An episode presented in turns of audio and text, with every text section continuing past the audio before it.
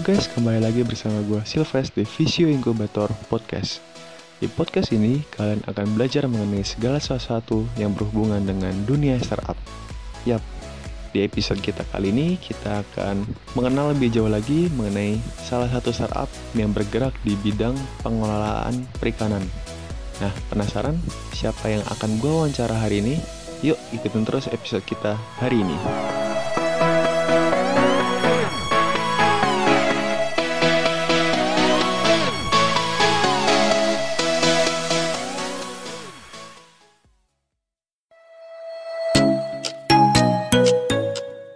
Selamat siang Mas. Ya, halo, siang. Ya, dengan Mas Ilham ya.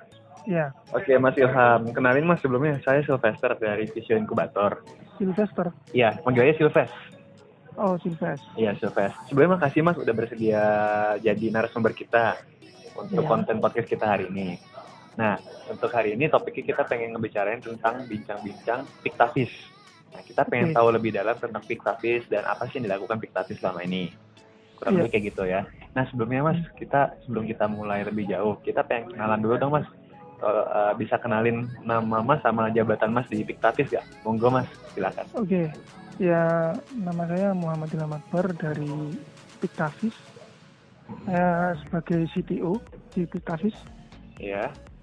Ya, Sebagai itu, Mas Ilham sebagai CTO. CTO berarti Iya. teknikalnya ya.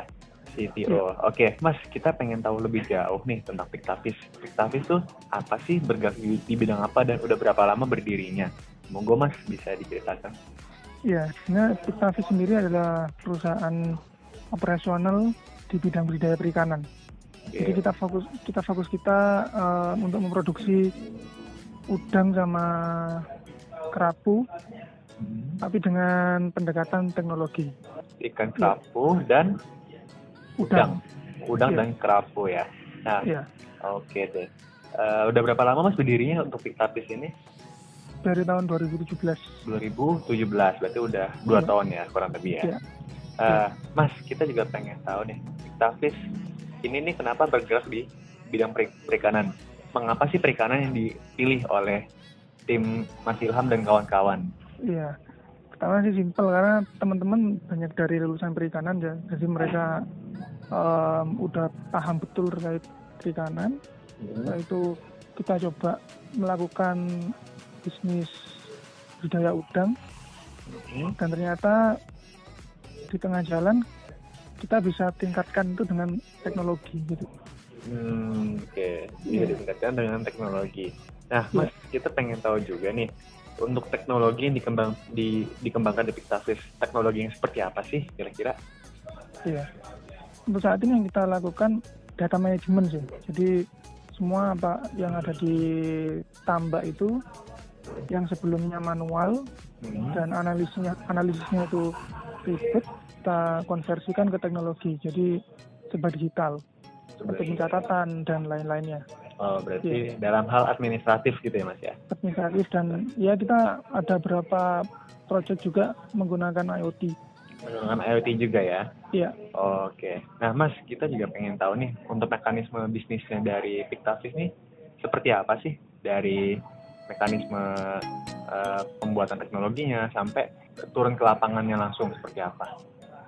Ya pada dasarnya kita pembudidaya udang Dan, sebenarnya. Mhm. Nah, mungkin lebih tepatnya kalau sekarang istilahnya precision aquaculture. ya. Mhm. Jadi core bisnis kita ya jual jual udang. Seperti itu. Seperti itu ya kurang lebih ya. Ya, kurang lebih. Ah, mas, kita juga pengen tahu nih untuk persebaran tambak yang dikelola oleh Pictavis ini di daerah mana aja, di kota mana aja mas kira-kira sampai saat ini? Ya, sejauh ini kita baru mengelola sekitar 10 hektar di daerah kalau tambak udangnya di Pacitan, Mhm. terus yang kerapunya itu di daerah Situbondo. Di daerah eh, untuk yang udang tadi di daerah Pacitan, Iya, untuk yang kerapu di daerah Situbondo. iya, Benar ya mas ya? Ya, Oh. Oke.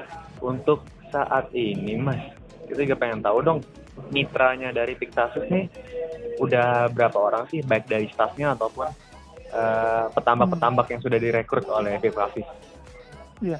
Kalau dari tim dari Biktavi sendiri sekitar 30-an orang ya, ada macam-macam, ada dari apa ahli konstruksi tambak, terus ada yang fokus di teknologinya, Mhm. ada yang te- di budidaya perikanannya, keuangan dan sebagainya. Oh, dan sebagainya. Kalau Iya. untuk mitra petambaknya, Pak, Mas, udah berapa dari berapa banyak ya? Dari petambaknya sendiri sekitar 90-an ya. 90-an ya. Oh, Iya. banyak juga ya Mas ya berarti ya. Iya. Nah, Mas, kita juga pengen tahu nih dari berdirinya Piktavis sampai sekarang. Iya. Untuk sampai saat ini kira-kira pencapaian apa aja sih yang udah diraih oleh tim Piktavis dan kawan-kawan sampai sekarang ini? Sejauh ini karena kita jarang ini sih ya apa Mhm. ikut-ikut event jadi mungkin kita pernah dulu em, apa namanya satu di Riot itu Ya. em, itu di bidang teknologinya Nah, ya lainnya event-event biasa sih Kalau untuk dalam kesa untuk dalam keseharian Mas kira-kira sudah udah berapa banyak yang sudah di sudah berhasil me- merasakan manfaat dari Piktavis gitu Mas? Oh impact Ya. moon ya Impactmentnya Ya, ya. jadi- heeh. jadi kalau impactnya sejauh ini kita sudah mengelola sekitar 90 tani dan kita udah apa namanya berhasil panen sekitar 200 ton udang 200 ton udang. ya sampai sejauh ini Udah Terus, ya. ya 200 ton udang kita udah di 10 hektar lebih lahan yang kita konversi ya sejauh ini itu sih Sejauh ini sejauh ini sampai situ ya Mas ya. iya Nah, Mas dalam perjalanan juga nih Mas, dalam perjalanan dari dari dulu sampai sekarang ini Iya. untuk membangun Piktavis ini nih kan memerlukan dana kan dulu. Boleh diceritain nggak Mas? Perjuangannya waktu itu mencari investor, mencari pendanaan untuk membangun Piktavis ini sampai saat ini. Boleh tahu nggak Mas kira-kira seperti apa kira-kira perjuangannya? iya Boleh diceritain nggak ke pendengar-pendengar kita? Boleh. Jadi sebenarnya Piktavi sendiri dulu em, salah satu teman kita memang ada yang tambah udang, jadi sudah mempunyai basic di sana. Em, dan kita juga dari berbagai macam ilmuwan ya. Mm-mm. Nah, dari yang metode tradisional tadi dengan tim-tim teknologi itu akhirnya kita kembangkan itu Hmm, ya. Eh, teknologi yang tradisional jadi lebih modern Mm-mm. sehingga sampai kita dipercaya untuk mengelola oleh beberapa investor Iya. ya seperti itu ya sampai sekarang Ya, kayak gitu ya. Kalau Iya. boleh tahu nih Mas, udah berapa investor sih yang udah terlibat dalam berjalannya Tavi sampai sekarang ini? kalau investornya sendiri banyak sih Banyak ya? Kita- ya banyak puluhan karena kan kita banyak juga jadi tuh. jadi gini apa mereka hampir mirip dengan modelnya kan managed service kita kan kita Hmm, sebagai managed service kita punya sistem Iya. hampir mirip dengan franchise lah ya Hmm, Lebih gampangnya, ya. seperti oh, itu. Oh, kurang lebih kayak kita gitu yang ya? ya ya seperti itu Oke, kurang lebih kayak gitu ya. Nah, Mas, selama Iya. ini, Mas, dalam menjalankan Piktavis, apa aja sih hambatan yang udah pernah Mas alamin bersama tim? Dan ada juga nggak cerita-cerita unik selama Mas Mas Hmm. Ilham dan kawan-kawan nih menjalankan Piktavis kira-kira? iya kalau dari segi teknis budidaya kita pernah mengalami kegagalan juga dari yang udangnya sakit ya itu kita gagal panen terus Mhm. setelah itu em, ada yang kena banjir juga Kena banjir juga ya? ya kena banjir ya itu lumayan shock Shock ya? ya shock ada beberapa hal nah terkait teknologinya juga Hmm, gua ternyata ya teknologi nggak semua petani itu bisa menerima Hmm, gitu. iya. jadi tantangannya di sana jadi gimana caranya kita mengkomunikasikan itu supaya mereka pakai? Seperti itu sih. Ya itu perlu waktu sih. Perlu sharing knowledge. Iya. Tantangannya. Oke, terus waktu pas Mas Ilham dan kawan-kawan menghadapi itu, apa sih kuncinya supaya bisa menyelesaikan semua permasalahan Iya. itu dengan benar gitu lah sampai tuntas? Apa waktu itu kuncinya mas? Satu hal sih kita jadi pendengar yang baik. Jadi Gitu. pendengar yang baik Ya, jadi pendengar yang baik. Terus kita fokus ke satu hal permasalahan yang benar-benar sakit istilahnya kayak gitu. hmm, gitu ya Jadi kita mendengar semua keluhan dari petani, kita lihat apa yang tidak bisa mereka lihat, Hmm. terus kita cocokkan tuh di Hmm, sana. ya Mm. oke deh Sehingga jadi solusi kayak gitu. bisa jadi suatu solusi baru Iya. Ya. Iya. Oke, Mas kita juga pengen kita mau ngomongnya sekarang agak lebih luas dikit ranahnya tentang Oke. dunia perikanan di Indonesia. Iya. Kalau menurut Mas Ilham pribadi nih, gimana sih perkembangan dunia perikanan di Indonesia sekarang ini? Saya rasa dunia perikanan di Indonesia ya cukup menarik ya. Eh, Banyak sekali kan program-program dari pemerintah eh, yang apa gerakan makan ikan terus segala macam hal ya yang sama Hmm. BCC lakukan dan itu apalagi kan sekarang fokus Indonesia jadi poros maritim sih katanya gitu ya. Poros maritim ya. ya dan memang secara potensial Indonesia 70% memiliki potensi perikanan yang baik lah kan itu Baik ya. dan masih banyak juga em, hal-hal yang perlu dieksplor di sana dan mas dan keuntungan juga masih sedikit eh, startup-startup yang bermain di dunia perikanan itu sih Gitu ya.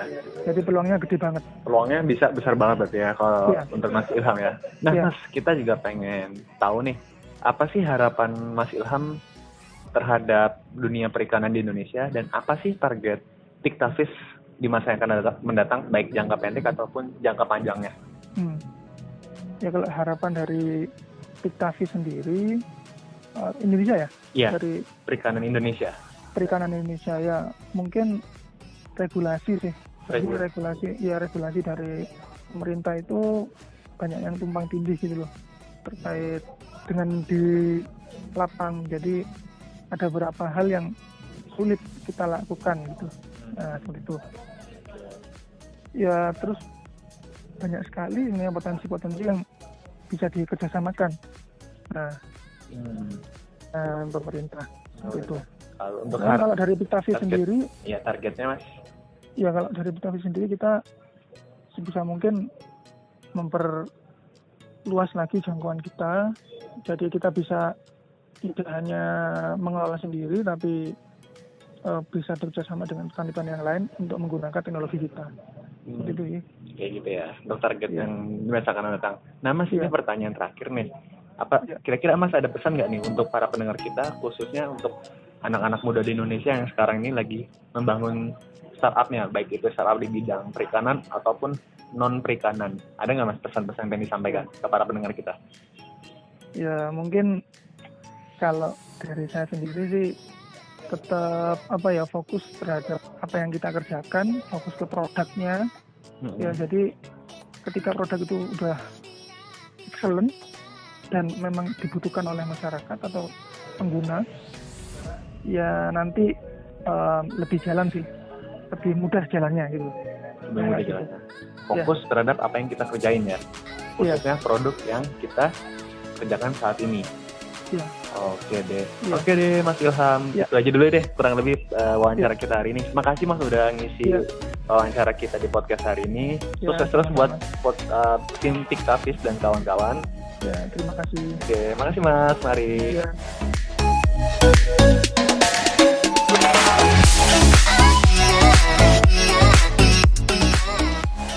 Ya guys, itu tadi wawancara gue dengan CTO dari Pictavis, yaitu Mas Ilham.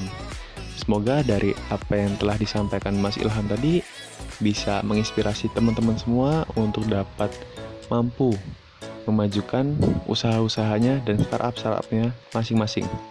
Ya, mungkin itu aja episode kita hari ini. Sukses terus buat kalian semua dan sampai jumpa di episode-episode kita berikutnya. Dadah.